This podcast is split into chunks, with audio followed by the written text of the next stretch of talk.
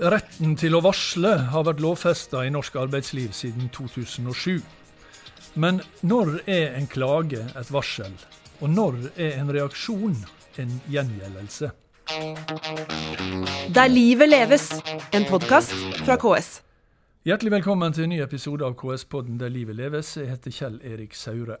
Og Ukas episode skal altså handle om et tema som kan virke litt ømtålig, og i alle fall ganske konfliktfylt, nemlig varsling. Og til å hjelpe med å finne ut av den problematikken, så har jeg sjefen for KS-advokatene, Tor Alstrin. Hjertelig velkommen til det. Tusen takk. Og vi kan jo først egentlig begynne med å oppklare en annen problematikk, nemlig KS-advokatene sjøl. Mm. Eh, for av det jeg har sett fra ganske mange medieoppslag, så er det en del som har problem med å og det er ikke helt innlysende hva KS-advokaten er. er du, når er du KS, og når er du advokatene? For å si det sånn. Ja, det er et godt spørsmål. Enkelt fortalt så er jo en advokat i KS ansatt i KS, og man bistår KS som organisasjon. Da er vi såkalt internadvokat. Og så har vi som en del av vårt oppdrag også å bistå medlemmene våre, altså kommuner og fylkeskommuner. Mm. Vi bistår også en del av samfunnsbedriftene sine medlemmer. Ja, altså er, det som tidligere var KS-bedrift, altså kommunalt eide bedrifter. Helt Mm. riktig. Og da er vi jo eh, organisasjonsadvokater som bistår eh, medlemmene. Og da blir det et advokat-klient-forhold i den forstand. Og da eh, kan ikke verken Lasse eller jeg instruere advokaten i hvordan du utfører jobben. Altså Men Lasse Hansen, Lasse Hansen. direktøren i, IKS. Direktøren i IKS. Ja, ja. Så enkelt fortalt så er det da oppdragsgiver som styrer hvordan eh, oppdraget skal gjøres. så, så når dere, du og dine ansatte, da er, er ute og representerer i en rettssak, så representerer dere en klient Ja. på vanlig måte. Da, da, da representerer dere ikke KS. Da representerer vi ikke KS, og vi må da opptre i tråd med advokatetiske regler. Og selvsagt fremme rett og hindre urett. Og i varslingssaker som du er inne på her, så kan nok mange oppfatte oss som at vi ikke alltid fremmer rett. Ja, for Fordi- det, er jo, det, er jo, det, er jo, det er jo viktig å presisere her da, at i denne sammenheng så, så, så representerer jo dere the dark side, altså feil side, eh, som, som, som mange vil si. Eller rett, altså, dere representerer arbeidsgiversida. Vi representerer arbeidsgiversida, og da, da er det jo legitimt at en kommune kan søke advokathjelp. Ja. Og vi, vi skal jo bistå kommunen i å fremme deres situasjon. Og så må vi selvsagt si fra til kommunen hvis de har en dårlig sak. Det en Det gjør vi, og det gjør vi. Ja, det, dere sier fra når det er en dårlig sak. Ja. Så da, det er ofte saker da som ikke havner i retten. Ja, forhåpentligvis. For da fraråder Eh, dere- det, er jo, det er jo ja. sånn at det er ikke automatisk sånn at vi kan trekke oss hvis eh, en sak er dårlig. Vi Nei. bør jo gjøre en vurdering av det om vi har grunnlag for å trekke oss fra et oppdrag. Ja. Men det er en del saker der dere er er innleid som rådgivere som ikke havner i, retten. de fleste i sakene havner ikke i retten. Nettopp. nettopp. Um, men, men dette at dere på en måte representerer den, den motsatte sida av varsleren, da, som Mm. oftest, eller alltid egentlig, Mm. det gjør jo uh, ut ifra når man, når man følger varslersaker i media og sånn, så, så, så tenker jeg på at, at mediene de har jo Vær varsom-plakaten, Mm. som sier at det er pressens oppgave å beskytte enkeltmennesker og grupper mot overgrep eller forsømmelse Mm. fra offentlige myndigheter og institusjoner, private foretak eller andre. Og her representerer jo dere da altså de offentlige myndighetene, de som enkeltpersoner skal beskyttes mot. Ja. Så da riktig. opplever dere kanskje at dere føler også at, eh, at pressen blir på en måte imot dere, eller imot kommunen. Og det er ikke så rart, det. Nei, altså jeg oppfatter jo stort sett pressen som ganske ryddig. Det er mitt Ja. hovedinntrykk. Og så er det klart at, eh, som du sier, den, eh, disse enkeltsakene som man kanskje særlig leser om, det er jo de sakene som kanskje blir litt profilert, og hvor man kritiserer kommunen, eller skyver frem varsleren eh, og varslerens situasjon Mm. som det viktigste å beskrive. Og så er det nok at kommunen ofte er litt tilbakeholden med å Ja. si, være veldig aktiv i media. Ja. Uh, og det skjønner jeg jo. Det, det, det skal de er heller ikke være. du, du, skal slippe å si det sjøl, kanskje. Jeg kan jo spørre deg. Det, det er ikke noe enkel situasjon å være i å representere arbeidsgiversida i en varslersak i retten. Nei, altså det, det, som kan være komplisert på, i det, er jo at du føler du får kritikk. ikke mm. sant? Og det blir, media får en vinkel da, som, mm. som ja. Men, men, det er jo, for å si det enkelt, så er jo varsling noe positivt uh, i utgangspunktet. Og jeg bruker alltid å trekke ja, er det? Det syns du det egentlig? Jeg tenker at uh, det store, store gruppen av tilfeller så er dette en veldig viktig del av uh, det norske demokratiet. Og jeg bruker å ta dette eksempelet med, med vannverksskandalen på Romerike. Ja. Der var det jo ikke varslere som avslørte det, det var jo Aftenposten sin ja. journalistikk. Mm. Men journalistene er nok avhengige Den kommer jo fra et sted. Jo, de, de, er nok mm. avhengige av mm. kilder, ikke sant? og da er varsler en kilde. Mm. Og det tenker jeg, det, det er positive. Du har mm. også sjefesaken i Bergen som et annet godt eksempel på at en politietterforsker avslørte at her hadde man ikke gjort jobben sin. Og det tenker jeg, det er jo bra. Da fungerer varsling. Nettopp. Og det skal vi heie på. Nettopp. Og da er vi inne på det som egentlig er tema, nemlig dette med, med, med varsling. Altså, det var faktisk først i 2007 at mm. varsling ble en del av arbeidsmiljølov, at det ble lovfesta mm. retten til å varsle. Mm. Og da, eh, Sett på den loven, og den er jo da, det er jo fire, fire hoveddeler. Da. Det er for det mm. første retten til å varsle om kritikkverdige forhold. Mm. Og så er det vern mot gjengjeldelse så er det plikt til å utarbeide rutiner for intern varsling, og så er det taushetsplikt ved varsling til my offentlig myndighet. Mm. Det er særlig disse to første jeg tenkte vi skulle ta. Altså retten ja. til å varsle og vern mot gjengjeldelse. Mm. Eh, og Da kan jo vi begynne med selve begrepet av varsling. Hva, hva er det som skiller en klage fra et varsel? Altså, lovgiver har jo valgt å regulere dette i arbeidsmiljøloven. ikke sant? Og mm. dette, er jo, dette er en helt naturlig situasjon i en virksomhet. Du har en medarbeider og du har en leder. For det er jo det loven mm. regulerer. Mm. Det er jo arbeidstaker og arbeidsgiver mm. som er pliktsubjektene der. Og da er det jo sånn at da har man valgt i dette tilfellet å, å beskytte eller fremheve arbeidstakerens plikt til å si fra om eh, noe som de mener er kritikkverdig. Mm. Dette burde jo vært i ethvert medarbeiderskap en ja, naturlig uh, greie. Ja. Sånn at du kan si det ligger mye mer i dette begrepsapparatet enn det som står i loven. Det er det man in intuitivt leser av loven. F.eks. Ja. har du et avvikssystem som man har hatt i mange år i kommunal sektor, innenfor pleie- og omsorgssektoren, helse- og omsorgssektoren. Det systemet er i prinsippet det samme. Det er en varsel. Du varsler om noe som er kritikkverdig, og som må ryddes opp i. Men det blir litt annerledes, fordi at det er institusjonalisert på en måte som jeg tror alle, alt helsepersonell tenker at ja, det er ikke et varsel i normal forstand, men det er det. Det er akkurat det samme. Ja. Men altså, hvis, hvis, jeg klager til, eh, til, sjefen på et eller annet i, i, i, på, på, min arbeidsplass mm. eh, er det da å betrakte som et varsel, og skal det utløse alle disse her eh, mekanismene som et varsel utløser? Altså jeg tror at uh, det man skal ta litt høyde for, er at man har jo valgt da å regulere lederutøvelse, egentlig. Det er det man, ja. altså man, min tanke er at det man gjør i arbeidsmiljøloven, er at man lager et sikringsnett. Ja. Et, på en normal, oppegående demokratisk arbeidsplass så fungerer det sånn at du har medarbeidere som sier fra til sjefen sin ja. at her er noe som ikke er bra. Dette må du rydde opp i. Og så ja. sier sjefen dette er bra, og så rydder han opp i dette. Eller han, ja. han eller henne. Mens dette i loven, da regulerer du egentlig ledelse. Da regulerer du hvordan du skal følge det opp. Og da slår sikringsnettet ut hvis ikke ledelsen faktisk tar tak i mm. det. Mm. Mm. Så kan du si at det blir jo iblant litt misbrukt i den forstand at du, du har ikke gått til lederen din og, og bedt lederen å rydde opp i det. Og da har du, heller brukt, da har du i stedet brukt disse mekanismene her. Og da mm. blir det jo litt ved sida av ordinær lederutøvelse. Mm. Men det er ikke noe feil i det. Nei. Men det er bare konsekvensen at du velger å lovregulere det. Mm. Og det er en god grunn til at det er lovregulert. For det er klart at det er en del såkalt whistleblowere som da ikke blir hørt på. Eh, man har eh, kulturer på en arbeidsplass som ikke er gode nok. Mm. Og da er dette et sikringsnett som slår ut. Mm. Men normalt sett så skulle ikke dette vært nødvendig i et uh, samfunn Nei. som vårt. Men, og, men, normalt sett så blir vel også, resulterer vel også et varsel i, uh, i en forbedring. At, at, det forholdet som det blir varsla om, mm. blir, blir retta på. da, Iallfall ja. uh, hvis man er enig om at det er, mm. om at det er ja. feil forhold. Ja. Uh, og så har jeg inntrykk av at konfliktene oppstår i mye større grad. Altså de store konfliktene handler mer om dette med vern mot gjengjeldelse mm. enn dette med retten til å varsle. Ja. Er, det, er, det, et inntrykk som, eh, er det et riktig inntrykk? Ja, inntrykket mitt er at jeg har aldri vært borti en sak som jeg vil kalle for uh, hva skal vi kalle det for noe, kritikkverdige forhold av en viss dimensjon. Det, det, har jeg faktisk aldri vært borti. Jeg har ikke vært borti en sånn type vannverksskandale eller korrupsjonsskandalen som man har lest om i media i noen mm. kommuner. Ja. Det har jeg ikke hørt at noen har varslet om, men det er media. Mm. Eller kontrollutvalgsmekanismen i en kommune, eller borgere, ikke arbeidstakere, altså, som sier fra til kommunen.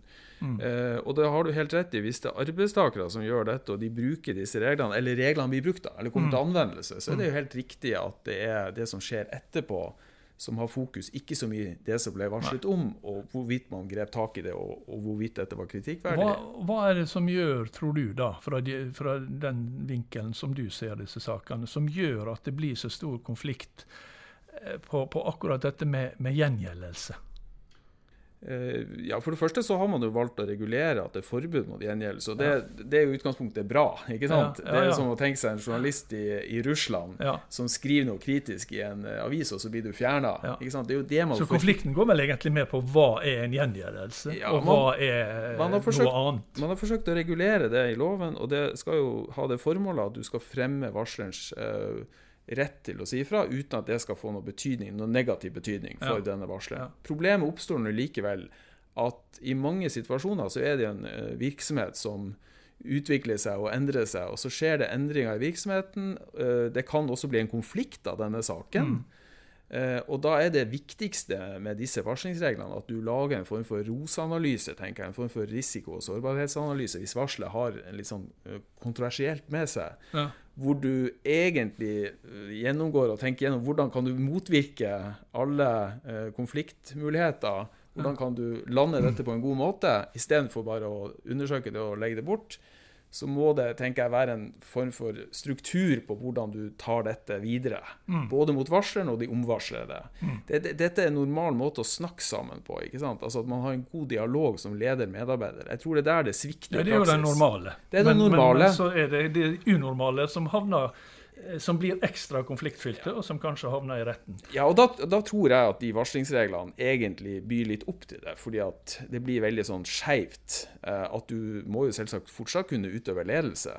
Ja, Du må fortsatt kunne omstille virksomheten, og du må fortsatt kunne gjøre nødvendige virksomhetsrelaterte behov. Altså ivareta virksomhetsrelaterte behov. Men der er vi på, på, på, et, på, et, eh, på en problemstilling som jeg, jeg syns var, var litt, litt overraskende for meg når jeg, når jeg leser lov. Så, så, så, eller disse, det var vel Arbeidstilsynet sin Ja. veiledning på dette. Så står det at, at retten til å varsle gjelder ikke eget arbeidsforhold. Du skal ikke varsle om, om, om et eget forhold, men, du, men om forhold i, i, i, i selskapet eller i Ja. virksomheten. og sånn. Men jeg har jo hatt inntrykk av, når, i når jeg har lest om rettssaker i, i, i, i, i mediene, Ja. så er det jo på en måte eget arbeidsforhold det gjelder nesten hver gang. Det gjelder en som mener at jeg har blitt fratatt oppgave Ja. eller blitt flytta på eller sagt opp som følge av at jeg har varsla om Ja. noe. Ja da, og da er du jo tilbake på gjengjeldelseshandlinga, som Ja. du har rett til å få prøvd for en domstol. sant? I prinsippet så kan du få prøvd det for en domstol. De færreste sakene havner jo for domstolsbehandling, bare så det er sagt. Men er det, er det da et, på en måte et, et nytt varsel automatisk? Ja, altså dette blir jo, dette blir jo uh, formulert slik at uh, Jeg har til og med sett et eksempel på at en, eh, en, eh, det, gjaldt da et selskap innenfor uh, den delen av KS-familien som uh, innga et tilsvar. Mm. Det ble hevda å være et varsel, og det sa denne domstolen i dommen at det var det åpenbart ikke. Du må jo ha anledning til å eh, hva skal vi si, ha et annet syn. Ja. Ikke sant? Så det blir jo i seg selv ikke et, Ja, et eh, og det ser jeg er presisert også, at det, eh, eh, altså, eh, saklige motargument er ikke Mm. gjengjeldelse. Og den som varsler, må tåle eh, saklige motargumenter eller motbevis eh, på de kritikkverdige forholdene Ja. han eller hun legger fram, som det står i, i, Ja. i denne veilederen. Ja. Sånn at det, det er på en måte Det er en forskjell på dette med å ha rett til å varsle.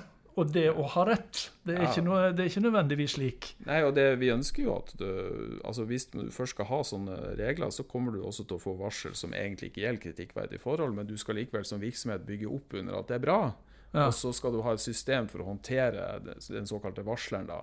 Eh, og det tenker jeg, det er der iblant, eh, Jeg ser det også som leder selv. Det kan være vanskelig å håndtere det hvis du får kritikk. Ja. Og I et varsel kan det ligge kritikk, men det handler om denne relasjonen da, du har med denne medarbeideren, og at du faktisk kan snakke åpent eh, rundt dette, og eventuelt legge frem dokumentasjon for at dette er ikke helt sånn, men faktisk sånn. Men likevel si at jeg syns likevel det var bra du tok dette opp, for da fikk vi iallfall avklart dette. Og jeg tror at noen av, altså Måten at man er arbeidsgiver i Norge prøver å være så grundig som mulig, f.eks. å ha en undersøkelse av det, da mister man kanskje litt herredømme over å ta dette i den ordinære linja i en kommune. Og da kommer jo vi til, til det som jeg har sett også har vært eh, Mm. tema i en del sånne rettssaker. Det er liksom hvem er det varselet er, er retta mot, og hvem er det da som skal For det er slik at hvis du varsler mot en leder, Mm. så, er, så blir jo lederen eh, inhabil. Mm. Men det blir da også alle under eh, vedkommende. Sånn at hvis du da varsler mot toppledelsen, da er jo hele, eh, i dette tilfellet da kommunen, eh, satt ut av spill. da. Hvis kommunedirektøren blir varsla på, eh, så er har du helt rett i det. Og da må man, da må man jo, tenker jeg, først vurdere om, om det faktisk er kommunedirektørens eh, hva skal vi si, ordinære handlingsmønster dette gjelder. Eh, altså kan kommunedirektøren selv fortsatt behandle saken. Eller- du kan det, men Ja da, altså dette må gjøres en konkret vurdering av. Eh, eh, Det finnes mange eksempler på at eh, man altfor kjapt konkluderer med at fordi varselet er retta mot kommunedirektøren, så er det automatisk inhabilitet. Men det er det ikke. Du kan ikke sette en kommunedirektør sjakkmatt ved å nevne kommunedirektøren et varsel. Du må gjøre en vurdering av hva det gjelder. Jeg bruker bare ta dette eksempelet for å gjøre det klokkeklart at hvis en kvinne, eh, kvinnelig ansatt, økonomikontrolleren, har ment at den mannlige kommunedirektøren har drevet med seksuell trakassering, så gjelder det åpenbart kommunedirektøren selv. Men hvis det gjelder implementering eller omorganisering, mm så er det jo en del av jobben til kommunedirektøren. Du kan ikke sette han eller henne sjakkmatt ved å inngi et varsel på at har vært, her har du brutt reglene i, i, eh, i hovedavtalen, f.eks. Men det, altså, jeg skjønner jo at eh, sånne ting kan bli så konfliktfylt at det havner i retten til slutt. Det som er litt vanskeligere å skjønne, er hvordan retten skal kunne avgjøre hva som er rett og galt her. Det er ikke så lett å peke på at dette er brudd på det og dette er brudd på det, når det er to helt ulike versjoner. Men det er jo kanskje det retten er der for. Altså, vi, vi har jo domstoler i Norge for at de skal løse Ja. tvister mellom uh, ulike aktører. Men jeg, jeg, tenker, jeg har jo tro på at domstolene gjør dette bra. Altså, mitt inntrykk er at domstolene håndterer dette bra. Det er bevisumiddelbarhet for, for domstolen. Eh, tvisteløsnings, altså det at man skal legge noe av denne myndigheten til, uh, til andre andre tvisteløsningsmekanismer, som det er et lovforslag på, er nok jeg mer skeptisk til. For da får du ikke denne umiddelbare bevisførselen og, og mulighet til å forklare seg og, og se på tidsnære dokumenter kontra etterfølgende forklaringer. Du, eh, jeg så en, eh, en undersøkelse som Fafo har gjort eh, av varsling i norsk arbeidsliv for et par år siden. Så står det at det er mindre varsling i offentlig sektor enn i privat sektor. Eh, tror du at det er fordi det er mindre grunn til varsling? I, i, eh, altså er det, du snakker jo om, om, om ledelse. Betyr, li, ligger det i dette at det er bedre ledelse, bedre ledelseskultur i offentlig og privat sektor, eller betyr det bare at det, det er enda litt tøffere å varsle i, i offentlig sektor? Eh, nei, jeg, jeg skal være veldig forsiktig med å spekulere i årsaken til det, men det, har jo, det er jo klart at det er mange flere mekanismer i en offentlig sektor. Altså I en kommune så har du kommunepolitikere ikke sant? som da er ombudsmenn for uh, ulike uh, saker de er opptatt av. Du har kontrollutvalgssystemet, du har kommunerevisjon, og du har tilsynsmyndigheter, f.eks. Uh, fylkeslege eller fylkesmann eller statsforvalter, som heter nå. Så det, det er nå en del av det. Den andre delen av det er at du selvsagt har hatt mer fokus på ledelse i kommunal sektor de siste årene, som gjør at uh, ledergjerninga nok forhåpentligvis er forbedra. Mitt inntrykk er at det er flere bedre ledere i kommunesektoren. Men det er nok flere ledere som kanskje er tydeligere òg, da. Så det kan ha en annen side som ikke nødvendigvis er bare en fordel. Så jeg vil være forsiktig med å spekulere i det. Det kan også være at uh, som du antyder i spørsmålet ditt, det kan jo også være at man eh, er redd for disse sakene. Det kan godt tenkes. Og Ja, det dette må vi vite mer om i Ja, så fall. for jeg Ja. ser jo at, at mange eh, beskriver at det er ganske belastende Ja. eh, å være også, og Det er jo selvfølgelig belastende å, å, å, å bli varsla mot, men det kan også være ganske belastende å være varsler. Ja. Eh, og da tenker jeg at kan ikke da denne, dette systemet på en måte rett og slett hindre at, eller bidra til å, å, å, å hindre at folk eh, tar opp kritikkverdige ting. Fordi at plutselig så sitter du der, midt, sitter du der som en varsler, og det hadde du aldri tenkt. Du hadde bare tenkt å få retta opp på noe greier. Ja, altså, jeg, jeg, tror du har helt rett. Eh, jeg tror at det kan være en, en eh, faktor. Jeg, jeg, tror, jeg, har jo møtt masse mennesker i min tid som advokat som jeg tror bare hadde en helt genuin, mm. legal formål å få frem dette som de mente var feil. Ja. Og det er klart at Hos noen mennesker så sitter jeg langt inne og gjør det. For det, det å kritisere ja. arbeidsgiveren sin eller organer hos arbeidsgiveren sin, det sitter jo litt inne. Da kan jo dette bli et våpen da, for, den, ja, da. for arbeidsgiveren også, med, å, med å, å, å, svare på en sånn henvendelse med at eh, dette, eh, er, er dette et varsel? Og så ja, trekker du det og ja. sier at nei, det var jo ikke sånn Men. Nei, og jeg, Derfor mener jeg vel at uh, terskelen for å karakterisere noe er jo ikke veldig høy. Det er jo veldig bra at du har et system mm. uh, ikke sant? For da, da, setter du i gang en mekanisme. Men samtidig så må arbeidsgiver så ikke sånn misbruke systemet. Du må på en måte mm. lytte til det som kommer av innvendinger. ikke mm. sant? Og du har veldig mange mekanismer i kommunesektoren på folk som ser kommunens eh, arbeidsgivere i kortene, f.eks. tillitsvalgsystemet mm. med vernetjenesten. Du ser ting i kortene, og så uh, er man jo ikke helt uvant til å bli kritisert i kommunesektoren. Og man har jo en aktiv media, altså ja, ja. denne statsmakten som ser kommunene i kortene. Så det er mange muligheter. Ja. Og så bare eh, til slutt så ser jeg at eh, i denne Fafo-undersøkelsen som jeg nevnte, så, så, spør disse som uh, sier at de har opplevd kritikkverdige forhold, uh, og så sier de som svarer har det erfart noe slikt, så, uh, så svarer den største delen, altså 49 eh, sier at det de har opplevd, det er destruktiv ledelse som er ødeleggende for arbeidsmiljøet. Mm. Eh, det nest største, det er halvparten, altså. Og tredjeparten, det er annen mobbing slash trakassering. Mm. Dette forteller jo meg vel at her er det mye som kan gjøres egentlig før, før det kommer til varslingssaker. Altså det er jo veldig negativ eh, altså det er en veldig negativ undersøkelse man ikke liker. og det, det handler jo om, altså Som leder så handler det jo om at selv om noen tar opp noe som ikke er positivt, mm. så, må du, så, må du ha en kultur, en kulturforståelse av at dette er bra. Ja. Ikke sant? Så det, Dette handler om det jeg sa i stad, ledelse, god ledelse. sånn at hvis, hvis, mennesker eller arbeidstakere i Norge oppfatter det sånn, så er det jo da Igjen, det viser jo at vi har mye å jobbe med. Mm. Uh, så det, det, dette handler igjen om at dette må du heie litt på. Så handler det om å undersøke dette på en ordentlig måte, en ryddig måte. Det betyr ikke bestandig at man må lage en svær undersøkelse, men gjøre en, en, iallfall fall en viss undersøkelse av det, og gi en type tilbakemelding til, til varsleren. Ikke mm. sant?